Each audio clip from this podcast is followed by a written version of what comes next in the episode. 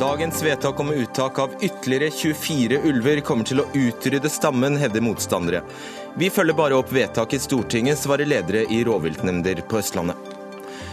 Hva får unge mennesker som selv kommer som innvandrere til Norge, til å reise til en krig i Syria de ikke kom fra, for så å ville utføre terror i landet de flyktet til, spør vi PST-sjefen. Senterpartiet er et reaksjonært parti og strengere enn Frp på flere punkter i innvandringspolitikken, mener Venstre. I dag skal vi ha quiz for å sjekke om det stemmer.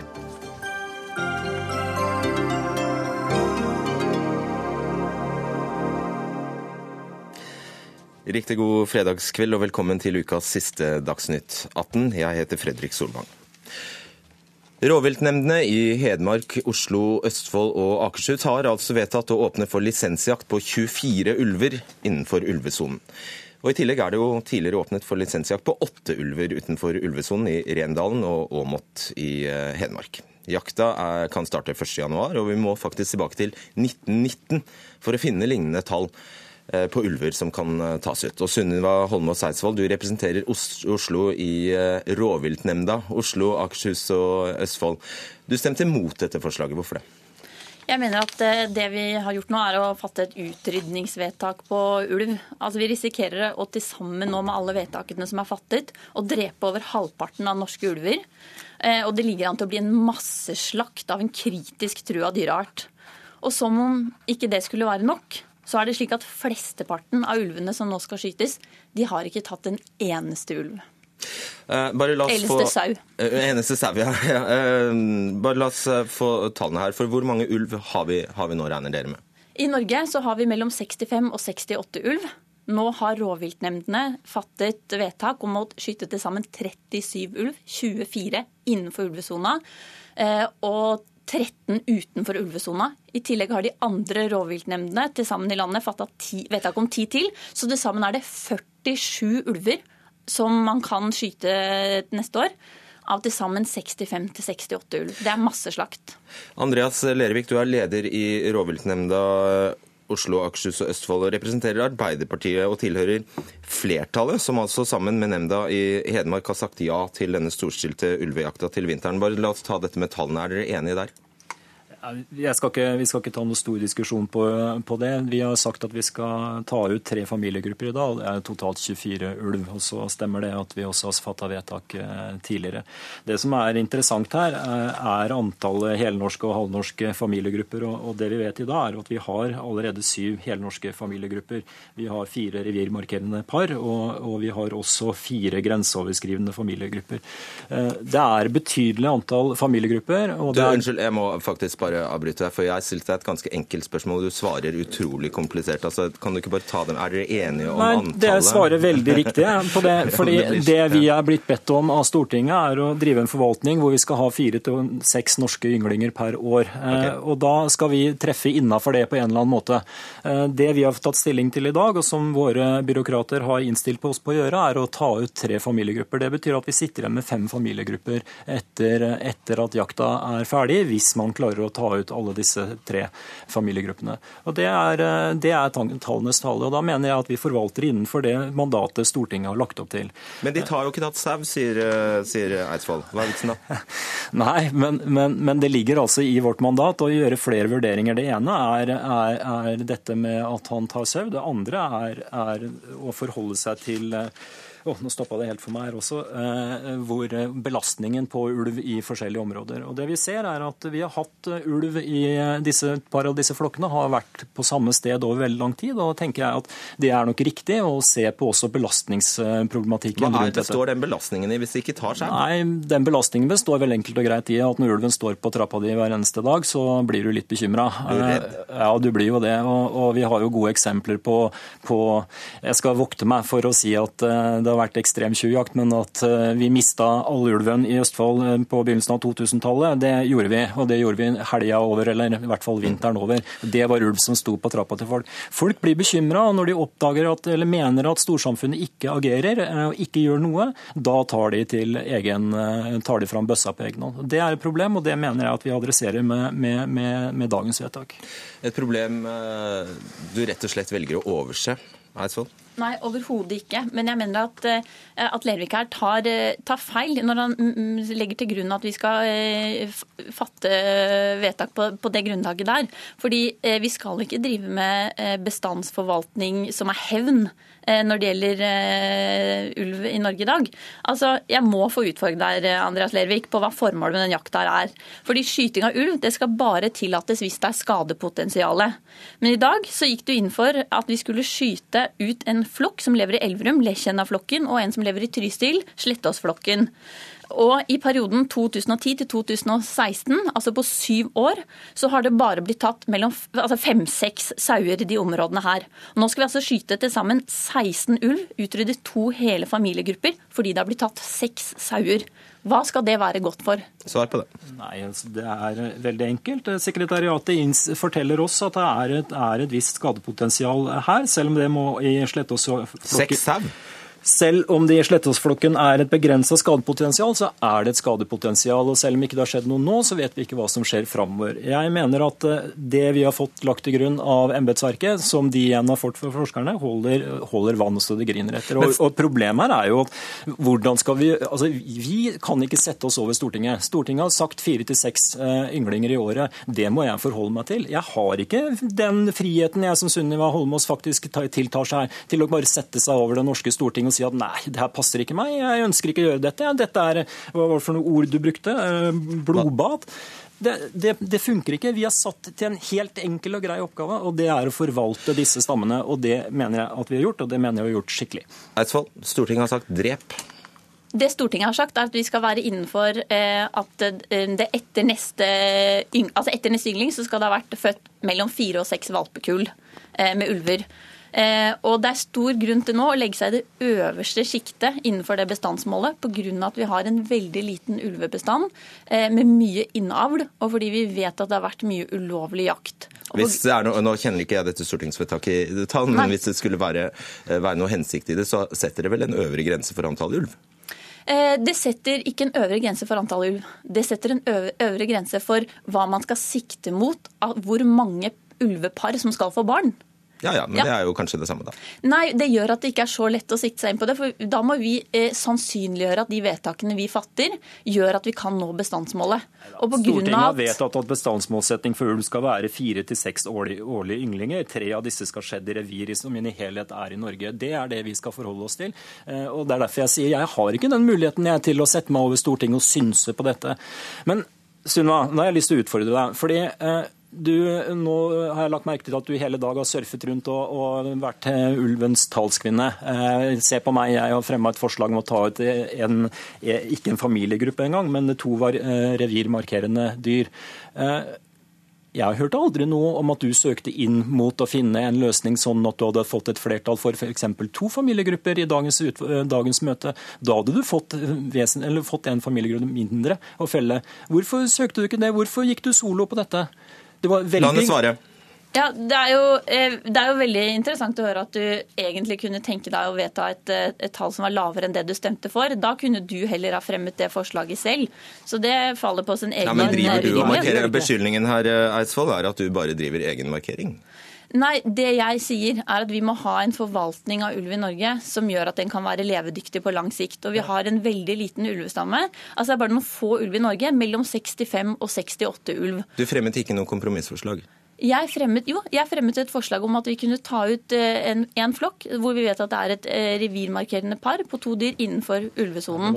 Men det var det bare tre par. som stemte for. Ja, det var tre som stemte for det. Men, men, men det, var, det, er ikke noe overraskende for verden der ute at verken at jeg sa i utgangspunktet at jeg ønska større innstillingen, men det er heller ikke noe overraskende at jeg mener også, som deg, at vi skal hensynta og at vi skal ha en god forvaltning av ulveflokkene. Jeg hørte ikke noe om ditt forslag før på morgenen i dag. Jeg opplevde ikke at du søkte inn mot eh, faktisk et okay. rovviltutvalg som satt og var lyttende, Eidsvoll. Det, det, må du være enig i? Ja, Lervik, ingen av oss andre var på, på det møtet. Jeg, jeg håper stille... hun var der, da. ja, ingen av oss andre. Men, så. Din nestleder Øyvind um, Solum, som altså er leder i uh, Akershus MDG, han stemte mot uh, ulvejakt. og Han hevder at det i sakspapirene uh, ikke, nå siterer jeg, ikke er tatt tilstrekkelig høyde for at mange av de gjenværende ulvene kan ha blitt tatt av ulovlig jakt, eller at de ikke får barn. Sitat slutt. Det kan jo bety at hele grunnlaget for denne, dette vedtaket ikke er, er godt nok? Ja, hvis du spør meg om det, så, så, er det riktig at han fremmet det. og Det ble oppfattet som et utsettelsesforslag, og han fikk sin ene stemme på det utsettelsesforslaget. Det betyr vel i bunn og grunn at de to nemndene ikke var enige med han i den vurderingen. Så man, var, eh, man avviste at den muligheten fantes? Ja, Han mente at dette måtte utredes på nytt igjen, fordi han hadde dette som et utgangspunkt. Det mente resten av nemndene, medlemmene i nemndene at han da åpenbart ikke hadde rett i, i og med at han fikk bare sin egen stemme på det, på det forslaget. Eidsvoll, til slutt, Hvor blir denne jakta mest intens nå? Eh, det blir eh, eh, mest intenst innenfor ulvesonen i Hedmark. Det blir i området mellom Elverum og Trysil, hvor det er nå satt av en, en egen sone hvor det skal tas ut til sammen 24 ulv. I tillegg så skal det tas ut en hel flokk i Osdalen. Okay. Takk skal dere ha, Sunniva Holmås Eidsvoll og Andreas Lervik. Dagsnytt 18 alle hverdager kl 18.00 på NRK P2 og NRK2.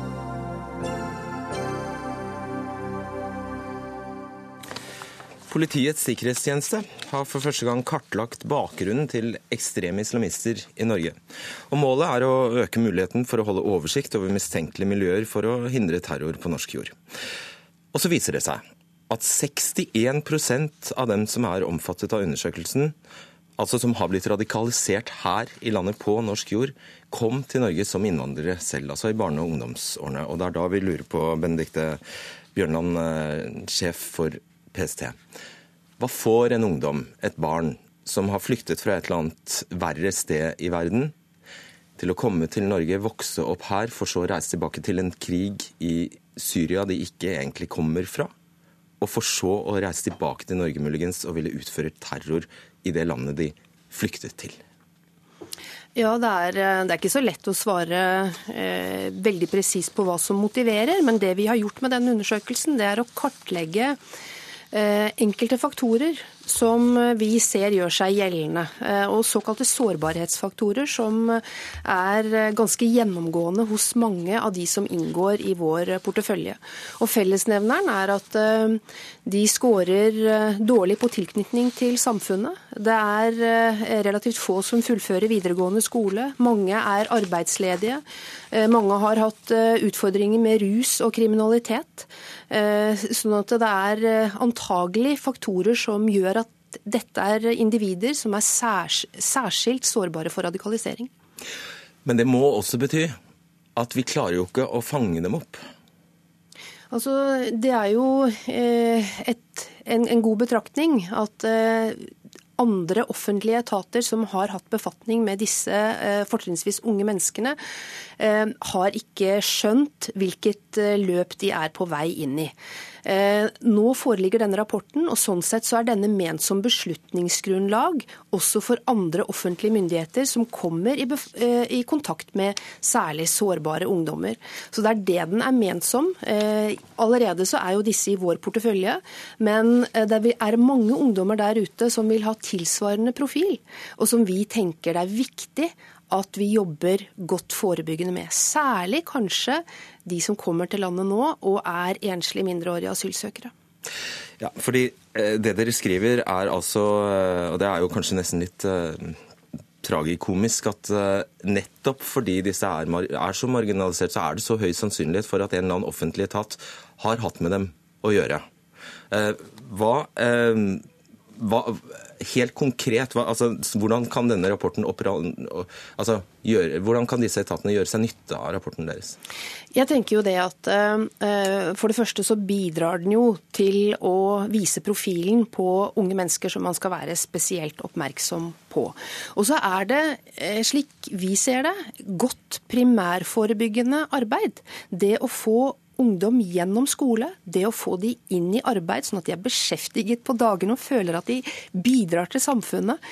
Eh, altså relativt enkle, men likevel krevende tiltak eh, vil bidra til, tror vi, at færre radikaliseres. Dere skriver at det foreligger stort rekrutteringspotensial fordi det finnes mange ungdommer i den muslimske befolkningen med de samme problemene som majoriteten i denne eh, undersøkelsen, og også at barna deres igjen da vil være i faresonen. Med andre ord et kjempe, et vanskelig stort problem. Ja, det er jo det, men samtidig så er det jo ikke sånn at uh, på langt nær alle med en slik profil uh, blir radikalisert. Uh, vi ser jo i vårt materiale at det er en overvekt som har blitt radikalisert i kjølvannet av Syria-konflikten. Så, sånn sett så kan den ha virket som en driver for et radikaliseringsløp. Eh, så, samtidig så ser man jo beretninger fra bakken i Syria nå som kan virke avskrekkende. Eh, de som reiser og kommer i retur, de får ikke samme heltestatus som de kanskje hadde håpet. Eh, de risikerer straffeforfølging. Vi har jo pågrepet etter hvert ganske mange. Noen sitter fengslet, en del er også blitt domfelt. Sånn at attraktiviteten til det å være fremmedkriger, det kan hende at den også er avtagende. Vi skal snakke litt om uh, nettopp Syria. Katrine Moe Torleifsson, du er postdoktor ved Sosialantropologisk institutt ved Universitetet i Oslo. Det virker jo så merkelig dette her, nettopp fordi uh, Syria-konflikten skiller seg f.eks. fra Irak-konflikten ved at den ikke åpenbart er en krig mellom Vesten og, muslim, og et muslimsk land. Det er stort sett muslimer i, som kjemper mot muslimer. Hvorfor fungerer da likevel Syria som et trekkplaster for uh, ungdommer som er radikalisert, og som igjen utøver agg mot Vesten? Altså, Syria-konflikten har jo hatt en sterkt mobiliserende effekt over lang tid. Det er en grusom borgerkrig som har vart i over fem år. Og den er særdeles også grusom og brutal i sin natur. Og Samtidig så er det jo kamp på bakken om makten. Og IS har ikke minst da også Syria som en del av sitt eh, utopiske kalifat og prøver å erobre mer terreng på bakken. Og så er det selvfølgelig mye propaganda som da blir brukt, ikke minst om overgrep og drap på syriske kvinner og barn, som utgjør en sentralt element i IS-propaganda. Så det er klart at manges da norske eh, fremmedkrigere som har dratt, har kanskje latt seg mobilisere av nettopp disse bildene om overgrep begått mot den syriske sivilbefolkningen, og skal komme til unnsetning og få denne krigerstatusen av, eh, av IS, og samtidig også identitet og status og tilhørighet, som er kanskje elementer de også er på søken etter i et norsk samfunn. Har du noe bedre svar på hvorfor de forlater trygge Norge for å la seg verve til en krig der de aller færreste forstår uh, hvor frontene, frontene står en gang, og så for så komme tilbake? Ja, så dette er jo sant, Igjen med identitet og status. Det å få tilbud om å være en del av noe større enn deg selv, som strekker ut i, i rom og tid som også i, til slutt skal opprette et utopisk kalifat hvor det ikke er noe vold. Så at voldsforherligelsen skjer som en nødvendig onde i nåtiden for å kunne være et del av eh, en utopisk framtid. Men disse har jo rømt fra krig? Ja. Ja, men Det er et eh, paradoks. Du kan være traumatisert og vokse opp i Norge, og så føler du deg også ekskludert fra storsamfunnet, mistenkeliggjort. Og så igjen er det alle disse sårbarhetsfaktorene som kommer veldig godt fram i PST sin, eh, sin rapport. Være utenfor arbeidslivet, gå ledig. Du må ha tid til å radikaliseres. Det er ikke noe som skjer over natten. Det er lange prosesser. Du må ha et nettverk, enten det er salafistisk nettverk eller om det er kameratgjengen, venninnegjengen. Så det er klart at dette er prosesser du også skal ha tid til. Og da er det klart at disse strukturelle sårbarhetene, det å være utenfor samfunnet, kan skape et slags mening, altså en meningsvakuum. Mm. Du, jeg bare lyst til å komme, komme kjapt inn på, fordi Dere skriver jo altså, det er et lyspunkt i rapporten at andregenerasjonsinnvandrere er relativt godt integrert i, i Norge, og at norskpakistanere og norsk-somaliere er underrepresentert i rapporten. Men det må jo bety at andre er overrepresentert. Kan du si noe om hvem det er? Nei, jeg kommer ikke til å, å kommentere på hvilke eh, etniske eh, minoriteter som eventuelt er overrepresentert. Men det vi påpeker som en overrepresentasjon, det er konvertitter. Eh, og det er jo for så vidt verdt eh, å merke seg. Eh, nå er det slik at når vi ser på profilen til disse menneskene, så har de omtrent akkurat de samme sårbarhetsfaktorene som minoritetsungdommen. Mm. Så til en litt annen sak. Altså, Riksadvokat Tor Aksel Busch sa i et intervju med kollega Ole Torp i forrige uke at det er avverget, avverget terroraksjoner på norsk jord i det siste, og vise til dere i PST. Har dere avverget terroraksjoner i Norge i det siste? Altså Det jeg tror eh, Bush henviste til, eh, var eh, vår pressekonferanse i mars, hvor vi gjorde rede for at vi har grunn til å tro at vi avverget en terrorhandling i løpet av 2015. Ok, Så det er for så vidt det, det vi visste? Jeg vil tro det er det han har henvist til. Uh, og Aftenposten skrev jo da nylig om at det har vært avverget terroraksjoner i Europa i, i år. Trusselbildet i Norge er ikke ikke forandret pga. det? Nei, altså det er jo, Trusselbildet er jo ikke statisk. Eh, det eh, holdt jeg på å si, det endrer seg jo, eh, kan jo endre seg egentlig fra dag til dag. Men det vi har beskrevet for inneværende år, er at det er mulig at vi kan stå overfor et forsøk på en terrorhandling eller en gjennomført terrorhandling i inneværende år. Mm. Til slutt, Torleif, Torleifsson, nå hopper jeg tilbake til, eh, til syriafarerne igjen. Vet vi, altså disse etatene som Bjørnland snakker om, alle de offentlige etatene, siden dette er sårbare grupper som er i kontakt med det offentlige mye, eh, kan de nok om dette? Det er et stort behov for kunnskap og det er behov for mer forskning på feltet. Men det er veldig mange gode program som er iverksatt i lokalsamfunn og i førstelinjetjenesten. Så det er Eh, gode program i gang, og, og, eh, forhåpentligvis med mer forskning så er det også et bedre kunnskapsgrunnlag for å iverksette nødvendige tiltak. Hjertelig takk skal dere ha, Benedicte Bjørnland og Katrine Moe Torleifsson.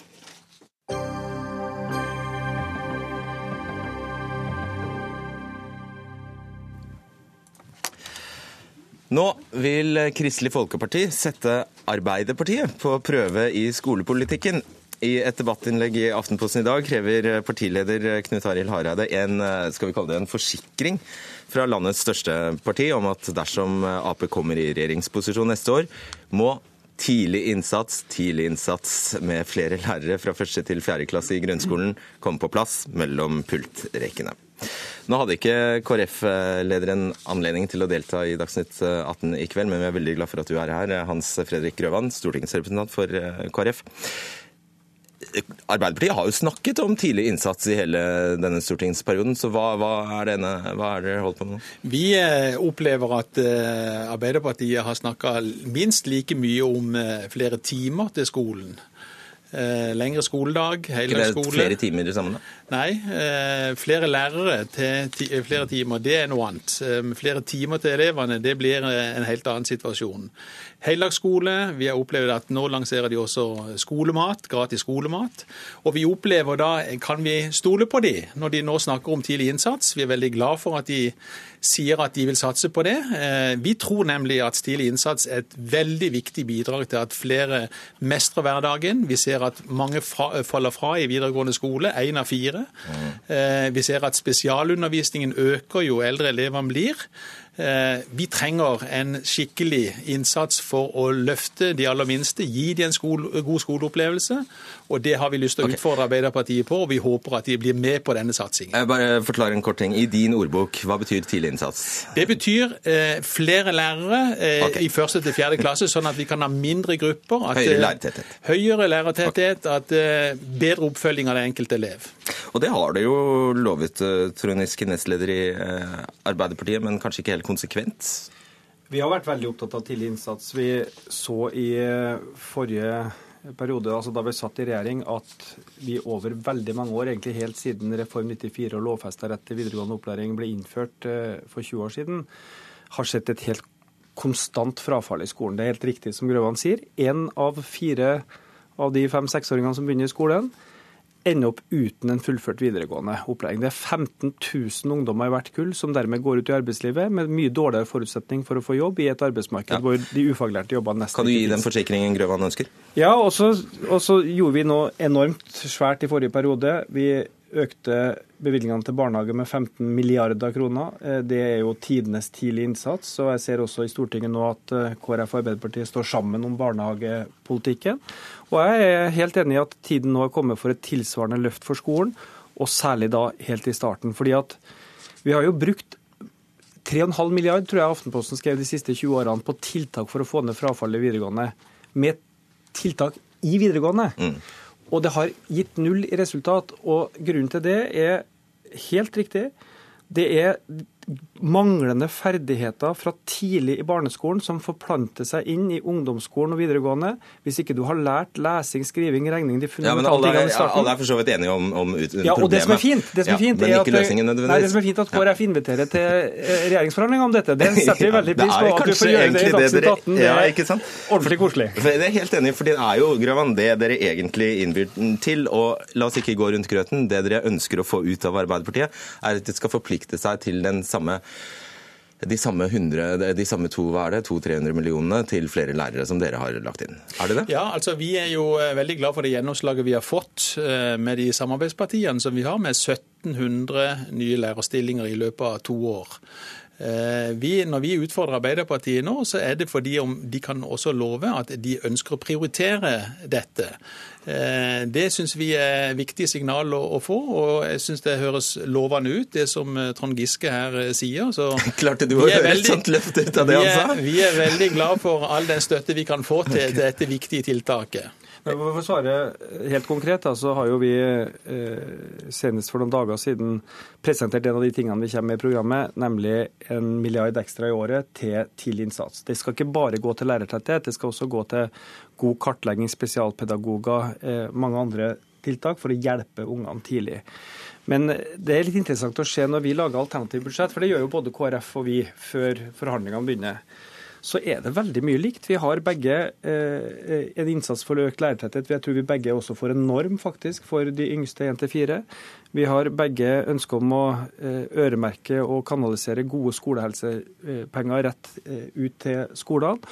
Og vi har også en stor vekt på dette med å kjempe mot mobbing. Nå smisker du, Giske. Nei da, men dette, det, det, altså, jeg tror Grøvan jeg lurer på, Han har smugkikka på budsjettet vårt og tenkt oi, tenk så lett det hadde blitt å være enig med Arbeiderpartiet. Men så er de litt redd for at vi skal komme med en heldagsskole eh, og bruke veldig mange milliarder på å eh, avskaffe SFO. Og Det har vi ikke programfesta. Jeg tror ikke vi kommer til å programfeste det. For oss er flere lærere, Eh, mer undervisning, tettere oppfølging av hver enkelt elev viktigere eh, enn en altså, Noe mer kan du ikke be om, Grøvan? Nei da, jeg syns dette jeg synes det er veldig, veldig lovende. Ja, kan, kan. Jeg syns dette er veldig bra. Eh, jeg har jobba mange år i skolen sjøl, og jeg vet hva dette betyr.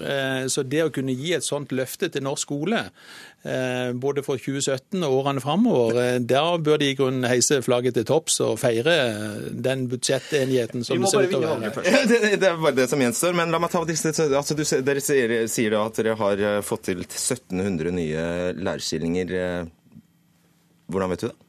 Dette har vi eh, regna ut i forhold til de antall millionene vi har bevilga nå. Ja, har du telt lærere? Vi har ikke telt lærere, men vi har telt eh, antall stillinger. Og så vet vi jo at Du vet ikke om det har blitt 1700 nye? Nei, altså kommunene står jo selvfølgelig fritt. Det er jo ikke bundet øremerka midler. Eh, samtidig så vet vi eh, fra mange kommuner at dette har gått rett i småskolen, sånn som det har vært tenkt.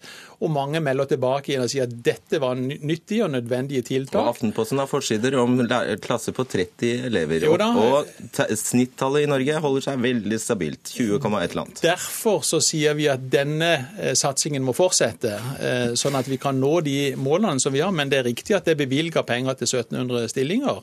Eh, og, men samtidig så ser vi at det er et stykke vei å gå. Derfor så ønsker vi også å få en lærernorm. Og det er der er det litt uenighet, for der vil du ha denne normen kun på kommunenivå, og ikke på skolenivå, som jeg har skjønt KrF ønsker seg. Ja da, det er viktig for oss å få det på skolenivå. Ja da, og jeg tror, Nå satt jo KrF i den regjeringa, men jeg tror også de vrei seg litt da Clemet i sin tid avskaffa det som et delingstall i skolen. altså at Når du kom over en viss grense, så måtte du ha flere lærere eller dele opp i eh, klassen. Men det ble vedtatt den gangen. Og Dette har vi sett altså har ledet til en utvikling hvor mange opplever å være i en klasse med altfor mange elever. og Hvis læreren har bare et par minutter på hver, så blir det ikke tett nok ja, men Det kan jo hende at du også er nødt for å, at han krever det også, Grøvan? At du eh, endrer Ja, Hvis jeg skal helle litt malurt i, i berget til Grøvan, så er det riktig at KrF i forlikene med regjeringa har fått til jeg tror, over en halv milliard til øremerka til lærerstillinger i første til fjerde. Det er veldig bra.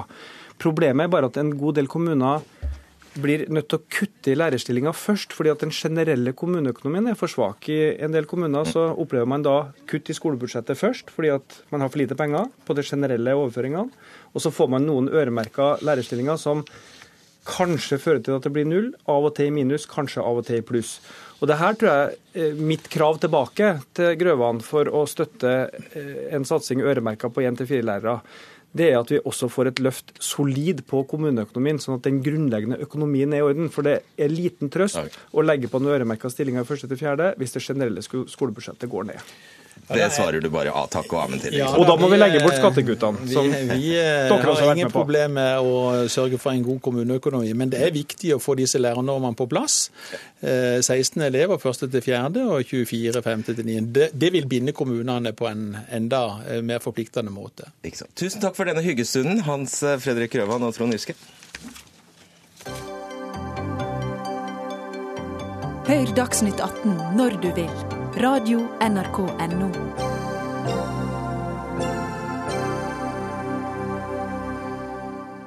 Senterpartiets Trygve Slagsvold Vedum syns det har vært mye hatsk omtale fra Venstres Trine Skei Grande i det siste. Og du kan jo bedømme selv. Senterpartiet har en agenda som går ut på å være mot alle reformer. I flyktningpolitikken ser vi i dag et Senterparti som i enkelte saker ligger bortafor Fremskrittspartiet, har hun sagt. Vi har kunnet lese dette i henholdsvis Aftenposten og Oppland Arbeiderblad nylig. Og Mot slutten av denne runden skal vi ha quiz. Men først eh, Ola Elvestuen, nestleder i eh, Venstre. Hvilke flyktningesaker er det, I hvilke flyktningsaker er det Senterpartiet ligger bortafor Fremskrittspartiet, som Grande sier? Nei, Det er jo forslag de har hatt. De har bl.a. Eh, forslag om eh, boplikt for eh, flyktninger. Og så er det jo denne iveren etter å stenge grenser. Det å trekke oss ut av Schengen. Det å trekke oss ut av EØS-samarbeid. Du har hatt forslag tidligere hvor man støtter opp under med regjeringa, som for så vidt ikke er flyktning, men som går på tiggerforbud. Så du har på områder hvor man legger seg utenfor det som er Fremskrittspartiets politikk også. Siden du da støtter en Fremskrittspartiregjering, så har du vel ikke noen problemer med det? Det er problemer er med selve sakene. Nå, jo, nå, var jo dette i utgangspunktet også med Sylvi Listhaug og regjeringa sine forslag i vinter, som la seg veldig langt eh, til høyre. Nå klarte jo heldigvis Stortinget å ta disse sakene inn, sånn at resultatet, og det er tross alt resultatet som er viktig for Venstre, er, er bra gjennom at du har fått et bredt flertall. Og det er det tredje breie flertallet på flyktning- og integreringspolitikken i Norge. Heidi Greni, stortingsrepresentant og innvandringspolitiker politisk eh, talsperson i Senterpartiet. Eh, Elvestuen og Grande er slettes ikke de eneste som har påpekt eh, denne dreiningen hos Senterpartiet i det siste? Senterpartiet vil føre en ansvarlig og anstendig flyktning- og asylpolitikk. Og når vi så hva som skjedde i fjor, når eh, flyktningstrømmen kom til Norge og vi hadde en ganske handlingslamma statsråd og ikke noe ble gjort, bl.a. på Storskog, så var Senterpartiet nødt til å ta initiativet til å få til et bredt forlik for å gjøre noe med situasjonen. Ja, det, det, greide vi, det, greide vi, heldigvis å få til i Stortinget. og og vi har nå eh, opp, eh, operasjonalisert de tiltakene gjennom den behandlingen vi har i Stortinget i vår. Ja, men eh, Hva, hva syns du? Ligger dere, til, ligger dere lenger ut enn Frp på noen punkter?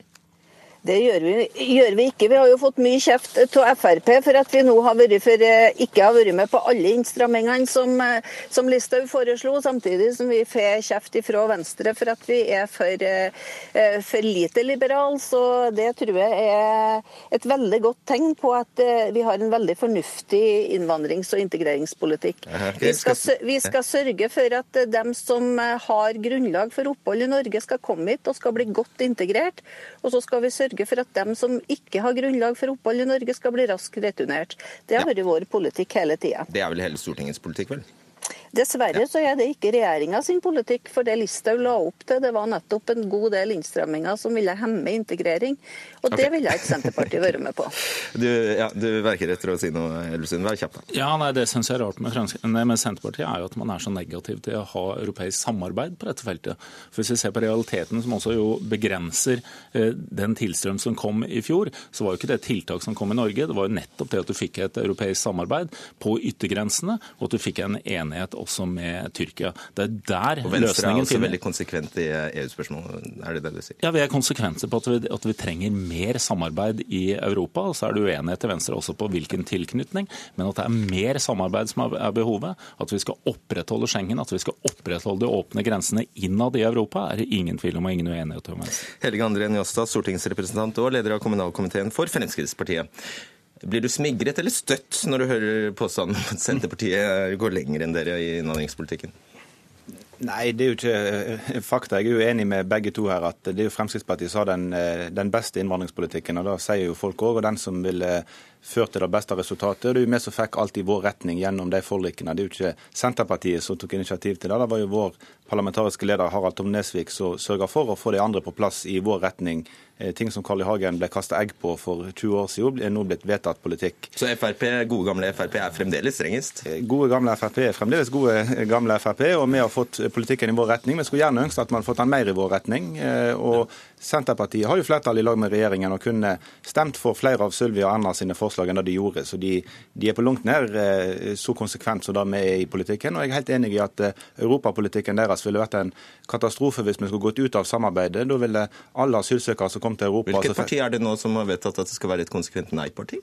Vi er nei til EU, men vi er ikke nei til samarbeid om tiltak. Vi kan ikke sette oss i en sånn situasjon som Senterpartiet sitt program ville gjort, at alle som fikk nei på asylsøknaden i Europa, kom til Norge og fikk saksbehandlerne der òg. Det ville vært en katastrofe. Så vi, vi har lest Senterpartiet sitt program og ser at det er mye der som ville vært veldig uheldig for landet vårt.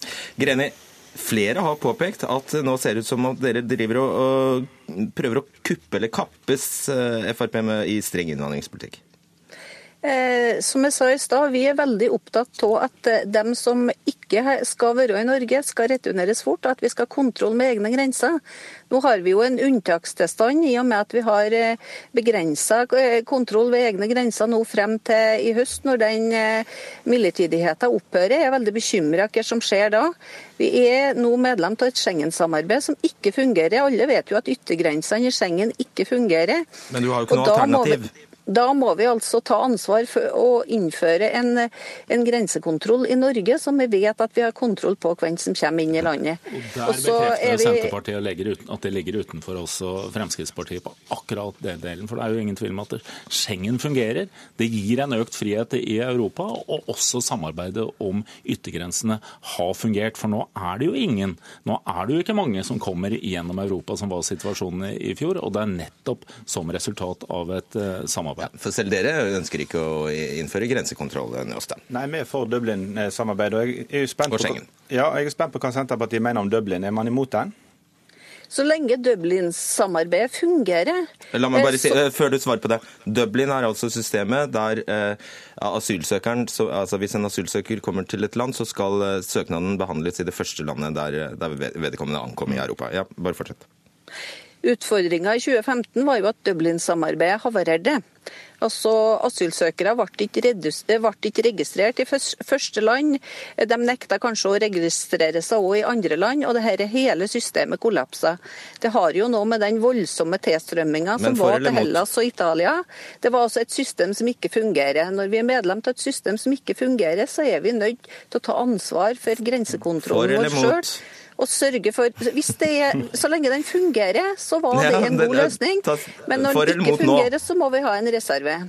Hvis vi, klarer å få, hvis vi klarer å få Dublin-systemet til å fungere igjen, så, så er ikke vi negative til det. Men så lenge det ikke fungerer, så er vi bare nødt til å ta ansvar for vår egen grensekontroll. Okay. Greit. Nå skal vi gjøre noe helt annet. Om uh, Senterpartiets flyktningpolitikk er like streng eller strengere enn Frp sin, det skal vi finne ut nå. Dagsnytt 18 presenterer Senterpartiet eller Fremskrittspartiet? Første spørsmål til deg, Heidi Greni. Er dette punktet i FrPs eller Senterpartiets utkast til partiprogram? Norge må stille krav om at land som skal motta norsk bistand, inngår returavtaler. Det er nok en del av vårt program, håper jeg. Ja. Hvorfor er det for det? Fordi at eh, når vi, eh, når vi gir bistand til de her landene, så må vi òg kreve at de tar tilbake egne borgere som ikke kvalifiserer til asyl i Norge. Og Hvilket annet parti i Norge har en sånn formulering i sitt program?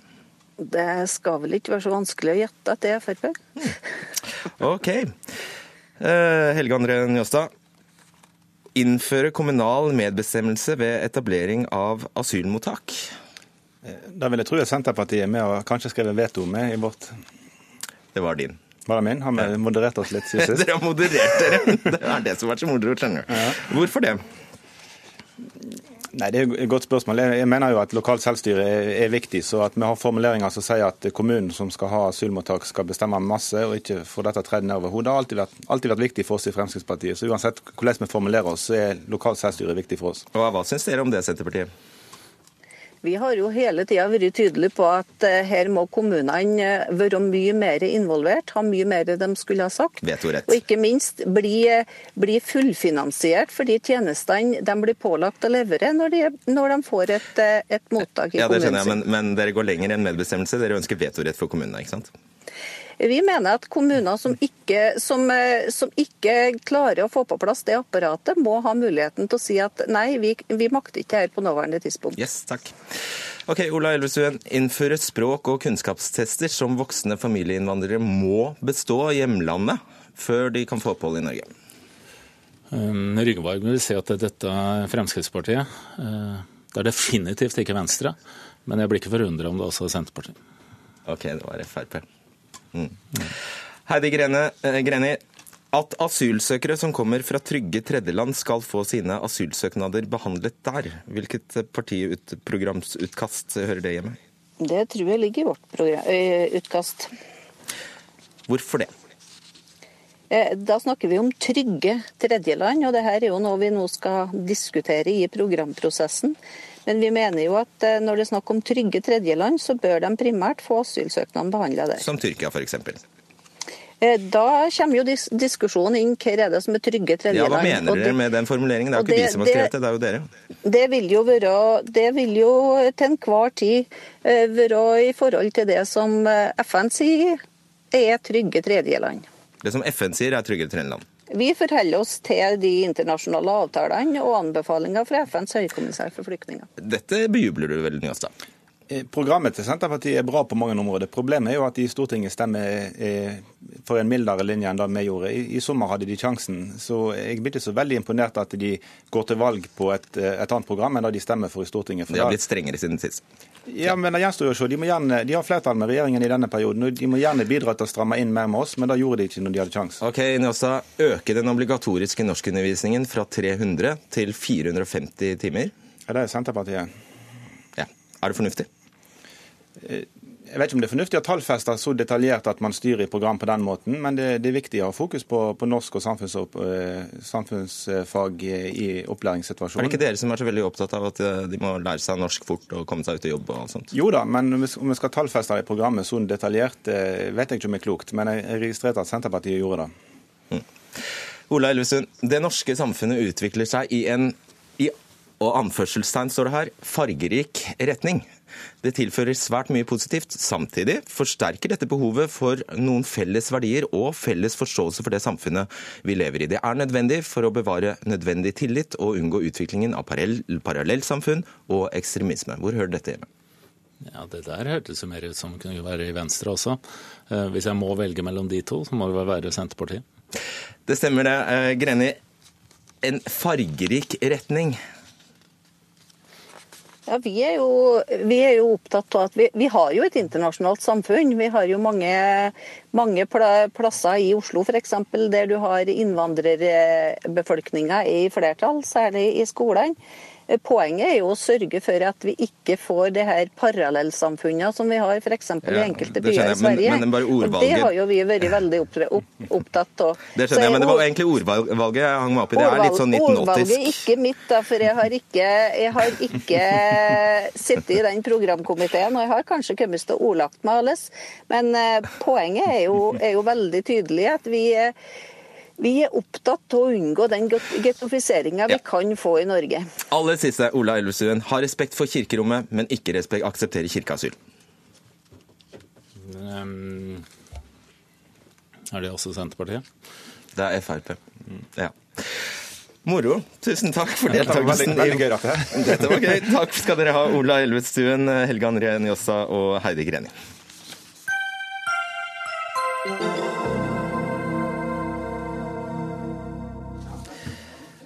Norge og Tyrkia var de eneste av 53 land som stemte mot et forbud mot å dumpe gruveavfall i sjøen. Og det skjedde da Det som kalles Verdens naturvernunion, hadde et miljøtoppmøte på Hawaii forrige uke, melder den engelske avisen eh, The Guardian. Store gruvenasjoner som Russland og Kina stemte derimot for et forbud mot å lagre gruveavfall på havets bunn. Så Lars Andreas Lunde, Lunde statssekretær i Klima- og miljødepartementet for eh, Høyre. Dette må du forklare, for det høres eh, helt, helt merkelig ut, høres ut. Det har nok sammenheng med at det er ikke så mange land som har naturlige forutsetninger for sjødeponi av gruveavfall eh, som det Norge har. Vi har dype fjorder og høye fjell, som gjør at i Norge så ligger naturforholdene godt til rette for en miljømessig forsvarlig deponering av, av masser i, i, i, sjø. Og Det finnes ingen faglig belegg for at landdeponering er noen bedre miljømessig løsning enn sjødeponering. Jeg skulle gjerne sett landdeponiene i land som Kina og Russland og de andre landene som stemte for resolusjonen. Jeg er slett ikke sikker på om det er noen miljømessig bedre løsning enn den, den sjødeponering som vi har i Norge Norge, og som vi har hatt gjennom de siste 30 årene, og på en forsvarlig måte. Men uh, Norge er da langt fra det eneste landet med hav? Ja, Det er også enkelt noen få andre land i verden som har sjødeponering. men som har, Det er ikke bare hav man har, men også dype fjorder. Derfor er det Norge, Tyrkia, Chile, kanskje ett eller to land til som, som har sjø, sjødeponering. Silje Ask Lundberg, fungerende leder i Naturvernforbundet. Din umiddelbare reaksjon på dette? Min umiddelbare reaksjon det er at med dette eh, vedtaket så viser resten av verden at de tar avstand fra den miljøkriminaliteten som Norge driver med, og som vi fortsetter å drive med når vi stadig vekk tillater også ødeleggelsen av nye fjorder. Ikke så veldig vanskelig å være for et forbud hvis du ikke driver med det, da, Lundberg? Som Kina, f.eks. Nei, men samtidig så er det også sånn at det er Hvis man ser på, på, de vedtakene som er gjort For det første så er det jo sånn at det er bare fem land i verden i dag som driver med sjødeponi. Resten har gått vekk ifra det, flere har også forbud mot det. Sånn Fordi de ikke har forutsetninger for det? Flere av dem har jo forutsetninger for å drive på med det. Flere av dem har gjort det før, har gått vekk fra det, gjør det ikke nå lenger. Og også når statssekretæren sier at vi har så gode forutsetninger for å gjøre det i Norge fordi fjordene våre er så dype, så er det jo også sånn at hvis du sammenligner de norske sjødeponiene som er, og vi har altså halvparten av verdens sjødeponi i antall, så er, her lagrer man avgangsmassen på et mye grunnere nivå enn det man gjør i noen av de her andre landene. Der snakker vi flere tusen meter. Nei, Nei, nei. Av de fem andre. Altså av okay. de fem landene. Norge, Indonesia, Tyrkia, Papua Ny-Guinea og Chile. Og noen av dem de har altså sjødeponiene sine på flere tusen meters dyp. Vi har dem på 300-150 meter. Men Lundes poeng var vel at i de 51 øvrige landene så dumpes dette bare på land, og det kan da umulig være noe bedre? Ja, det er helt klart at eh, landdeponi også har miljøkonsekvenser. Men altså er det sånn at fordi at eh, det også finnes noe annet som for så vidt også kan ha miljøproblemer, så skal vi godta noe som er enda verre. EU de anser eh, bruken av sjødeponi som ikke den beste tilgjengelige teknologien, men den billigste. Og når i alle dager var det at Norge begynte med å ha den billigste mulige teknologien å drive med ting på, istedenfor den beste? Men det er det denne regjeringa legger opp til. Du, hva var reaksjonene fra de 51 andre landene? Ja, det kjenner jeg ikke til. Jeg vet ikke hva begrunnelsen deres sa for å stemme for. Eh, det kan jo både være først og fremst at de ikke har sjødeponi selv, og at det da selvfølgelig ikke kostet så mye å stemme mot. Men klart, verden trenger mineraler. Vi trenger mineraler til mange ting. Mobil, til mobiltelefoner, som Naturvernforbundet har brukt til å mobilisere mot sjødeponi i Norge f.eks. De trenger da bl.a. mineraler. Det er ikke noe som produserer seg selv i butikken. Vi trenger det til medisinsk eh, utstyr, som proteser osv., og, så videre, og vi trenger det til en rekke andre ting. Det er klart, Når verden trenger mineraler, så blir det også avfall. og det er klart det blir store mengder stein steinavfall fra mineralene. Et eller annet sted må du gjøre av dette. Ja, Men så sier Silje Lundberg det finnes dyrere dyrere måter å gjøre det på, men mer miljøvennlige måter å gjøre det på. Altså, vi har f.eks. i Engebø-saken, som er den eneste saken som er ferdigbehandlet under denne, regjeringen, så har vi vurdert alternative måter, og da ut ifra en miljøfaglig begrunnelse. Og et landdeponi ville i den saken vært en dårligere miljømessig løsning enn sjødeponi. Og Det viktigste for oss er å finne en god, best miljømessig løsning. Noen ganger kan det være landdeponi, noen ganger kan det være sjødeponi.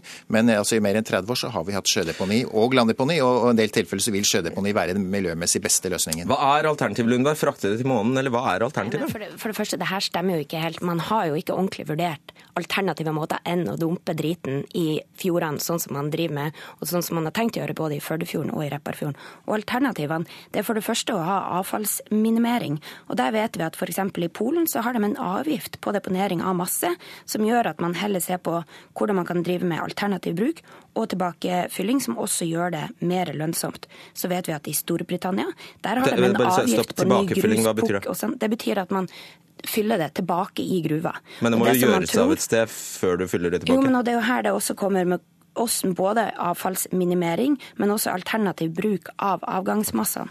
Og Der er det f.eks. i Storbritannia. Der har de en avgift på ny grus, pukk og sand, som gjør at istedenfor å da etablere nye grustak, så bruker man heller overskuddsmasser fra gruver istedenfor. Fordi det her avfallet det er faktisk en ressurs, men det norske myndigheter er i ferd med å gjøre med det istedenfor, det er bare å dumpe det på sjøen, og da får man jo aldri noe alternativ bruk av det. Istedenfor så ødelegger det økosystemer.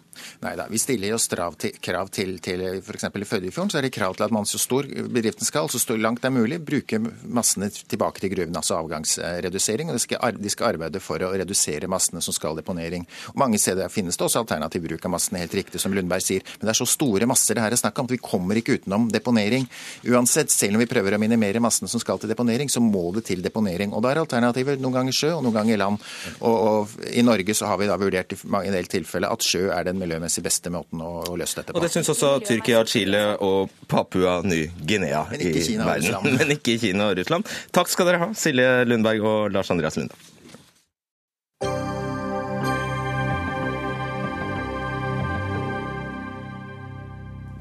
Nå vil Høyre tvinge større bedrifter til åpenhet om gjennomsnittslønn for kvinner og menn.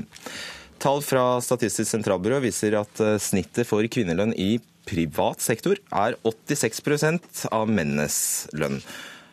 Dette forslaget blir trolig lagt fram på Høyres landsmøte til eh, våren. Tina Bru, stortingsrepresentant, og du leder også Høyres kvinneforum, medlem av programkomiteen i Høyre, det er da litt av en fallitterklæring å måtte ty til masse byråkrati og registrering osv.? Det er ikke masse byråkrati. Eh, dette er for å kaste lys over de forskjellene som vi vet eksisterer. Det er for å få det frem i åpenheten. Det er for å bidra til en diskusjon og en debatt. Og det er òg for å kanskje rett og slett opplyse flere kvinner om de forskjellene som fins. At man skal bli klar over det, og at man kan jobbe aktivt for å prøve å gjøre noe med det. Eh, vi er nødt til å ta inn over oss at det eksisterer forskjeller. Eh, det kan ikke bare bortforklares med at dette er deltidsarbeid, dette er fordi kvinner er hjemme med barn, dette er fordi at de jobber i lavtlønnsyrker. Det er systematiske forskjeller for helt samme type stilling på samme nivå i samme type bedrift. Og det må opp og frem i lyset hvis man skal gjøre noe med det. Nå later jo du som man ikke har forskning om eh, årsakene, men det har man jo. Man har det, men man har òg forskning som viser at det er en viss prosent man ikke klarer å bortforklare med alle de andre faktorene som man ofte gjør. Og det er òg veldig klar forskning forskning som viser det at eh, kvinner f.eks. er veldig mye dårligere til å forhandle på lønn enn det menn er, som òg er et opphav til dette problemet. Så nei, altså dette vil ikke løse alle utfordringene vi har, men jeg mener det er viktig å få en åpenhet om det, og det kan bidra til en god diskusjon. Og det er en del bedrifter som gjør det allerede i dag, som har avdekket store forskjeller, og som aktivt gjør noe med det. F.eks. DNB. Ja, det kan vi komme tilbake til, for det er ikke sikkert alle bedrifter i Norge stiller i samme liga som DNB. Men Olav Thommessen, administrerende direktør i Bedriftsforbundet. Du vil bare ikke ha den dokumentasjonen? Jo, altså Poenget er at uh, du, du, nevnte innledningsvis nå at uh, det er ikke alle som er i samme liga som DNB, og jeg tror det er et veldig viktig poeng. Ok, La oss ta DNB-eksempelet. da, bare Tina, Hva har de gjort der? DNB eh, de publiserte lønnsstatistikk mellom kvinner og menn i sin organisasjon. og Der fant de ut at de hadde et gap som viste at kvinner tjente 80% av det menn gjorde. Og Resultatet av det var at de tok konsekvensen av det og innførte en kvinnepott på 17 millioner for å rette opp i de skjevhetene. De... Det kan vel dere også gjøre? Det kan vel dine, dine bedrifter også gjøre? Nettopp. Der er du inne på det sentrale. Altså, eh, Norsk næringsliv er ikke DNB eller Statoil eller Aker Solution. Norsk næringsliv består egentlig av 90% små og mellomstore bedrifter. Det er bedrifter som jobber hardt og sliter hver eneste dag, som har vondt i magen når momsen skal rapporteres inn, som ikke drar på ferie når eh, kunden ikke betaler i tide. De har ikke råd til å lønne kvinnene like mye som menn, er det det du sier? Nei, det sier jeg overhodet ikke. Det er klart de skal det. Vi er enige om problemstillingen. Eh, men poenget er at disse, alle disse bedriftene, 90% av norsk næringsliv som er småbedrifter, rapporterer på dette i dag. De rapporterer på dette månedlig. Eh, til Statistisk sentralbyrå. Det er derfor vi har disse tallene. Så det er ikke sånn at vi, vi ikke rapporterer på det. Vi rapporterer på det. Eh, og, og, og, jeg tror at disse premissene for debatten, og det, det er det jeg merker fra både Høyre og fra mange andre politiske partier, dreier seg om en tro på at eh, norsk næringsliv består av store internasjonale finanskonserner eller oljeselskaper med tusenvis av ansatte, som kan sette i gang staber for å rapportere det ene og det andre. Frisør... Ja, men hvis dere allerede rapporterer, så er jo dette bare, det er bare ett tall til. Ja, men, Hva er problemet? Men, men poenget er at det adresserer ikke problemstillingen. For vi er, vi er enige om at de skjevhetene er gale. Vi er enige om problemstillingen. For det har vi nemlig... Du syns ikke det er bra? Vi syns ikke det er bra. Eh, og, og, og, det har vi fra Statistisk sentralbyrå fordi vi rapporterer hver måned på dette her. Eh, men, men, men, den rapporteringen som Høyre her ligger opp til, den kommer, ikke, den kommer ikke til å ta hensyn til de naturlige skjevhetene som dessverre er. Og de er som følge av at i mange norske bedrifter, i de fleste norske bedrifter, så er det mannlige ledere på ulike nivåer. De har høyere lønn. I mange bedrifter så er det slik, selv om du eh, ønsker å unngå det i diskusjonen, at det er kvinner som stort sett har deltidsstillingene. Eh, de skjevhetene de, de, de, de, når man ikke med denne type statistikk. Okay. Jeg, skal, jeg, skal bare, jeg, kan bare få lov å bruke ett eksempel. Vi har vært i debatt før, og jeg, og jeg, vet jeg kan prate med mye, men jeg skal bare si ett eksempel, vær så snill. Og det er Hvis du har et verksted på Ørsta, mekanisk verksted på Ørsta med åtte ansatte, én kvinnelig lærling. Basert på den statistikken som Høyre her legger opp til, så vil de komme veldig skjevt ut. De vil fremstå som, som Eh, som noen som ikke eh, ønsker likelønn. Tilsvarende en frisørsalong i Bergen med mange kvinnelige ansatte og én mannlig lærling vil fremstå som et stjerneeksempel. Underforstått, de tar ikke hensyn til de naturlige eh, forskjellene og, og, og, strukturen i bedrifter. og det, mm. det, det, det, håper Høyre kan være åpen ja. for å adressere. Du skjønner at det blir litt rart hvis du innfører dette for ansatte med bedrifter med to ansatte? Ja, men det har jeg heller ikke foreslått. Altså, Vi sier at det må være større bedrifter. og jeg forstår veldig godt de argumentene som kommer herfra. Og jeg er også enig i at man skal være forsiktig med å pålegge næringslivet nye rapporteringskrav. Men vi har allerede mange sånne krav i dag på andre typer ting, altså miljø eller sikkerhet osv. Og, så og man har også forskjellige krav fra bedrift til bedrift, og avhengig av størrelse hva de holder på med. Jeg mener at dette er et så omfattende problem. Skal vi få gjort noe med det, så må det frem i lyset. Den beste måten å gjøre det på, er å bli bevisst på det. Og arbeidsgiver ikke minst må være, være bevisst på det som skjer i egen bedrift. Og da tror jeg kanskje det er nødvendig å faktisk ta dette grepet og gjøre det. Nå må du fortelle de bedriftene det? Hvorfor kan Fordi ikke de bedriftene har... finne det ut selv? hvis du jo, men det, det skjer jo ikke. Altså, Vi har jo fortsatt store forskjeller. Og til og med i store bedriftssegment som du skulle tro liksom, tok dette på alvor, se på finansnæringen f.eks., der er det store forskjeller. Ja, men du trekker Helt bare frem finansnæringen. Du Nei, snakker bare ikke bare. Jo, du har snakket om DNB og du har snakket om Finansforbundet. Det er finansnæringen. Det er næringer som er i høy grad mannsdominerte. Jo, men tallene fra SSB er for hele privat sektor, det er ikke bare finansnæringen. Nei, men det er det du trekker frem. Og, og, og hvis du hadde sagt, og hvis Høyre hadde sagt, hvis du hadde foreslått f.eks. For at statlige norske konserner skal rapportere på dette, mm. så hadde vi vært åpne for det. Det er en helt annen diskusjon. Det, det er ikke dine medlemmer. For det første er det ikke det. kan du godt si, men poenget er at de har også ressurser og staber som kan rapportere på dette på en helt annen måte enn et mekanisk verksted på Ørsta. Dere har nevnt 50 ansatte som en begrensning. 50 ansatte er veldig lite. Det er veldig få. Det er en sårbar bedrift. En liten fabrikk i, i, på okay, Vestlandet. Ja, ja, ja, eh, altså Vi har jo forskning. Likelønnskommisjonen oppsummerer i fem hovedpunkter hva som forklarer lønnsforskjellene mellom eh, kjønnene i Norge. Og Punkt to der er at kvinner og menn har om lag lik lønn i samme stilling i samme virksomhet. Mm. Så da er det andre ting. Da, Hva hjelper denne rapporteringen din da? Nei, men det, det, er i stor grad sånn, ja. Men det er ikke helt sånn. Og det er ulike tall på ulike sektorer. Og Grunnen til at jeg viser til finansnæringen hele veien, er fordi jeg har regnet på det i dag. Jeg var inne på Finanstilsynets eh, lønnskalkulator for å finne ut av det. Sammenlignet på samme eh, alder, samme utdanningsnivå, samme stilling, bedriftstype. Og der er forskjellene konsekvent. Det er På meglere er det 12% lederyrker 5% advokater 8% Så det er forskjeller her også, hele veien. Men, men... Man kan ikke forklare alt. Men jeg er helt enig, vi må gjøre dette på god måte. Men det ligger òg nå i den nye forslaget diskrimineringslov fra, fra, regjeringen, så er det å publisere lønnsstatistikk en av de tingene som foreslås som en del av denne aktivitetsplikten for næringslivet og for bedriftene for å bedre likestillingen. Men, men utgangspunktet er at vi er enige om problemet. Vi er enige at den, den prosenten med, med, med, med, ulik lønn en prosent, den prosentandelen er en prosentandel for mye, uansett hvor mye det er. Men, men det er også sånn at det, det du påpeker, er et visst segment av en bransje som du har sett på i dag. Eh, eh, hvis du tar hele næringslivet under ett, så er jeg usikker på eh, realiteten og, substansen i problemet.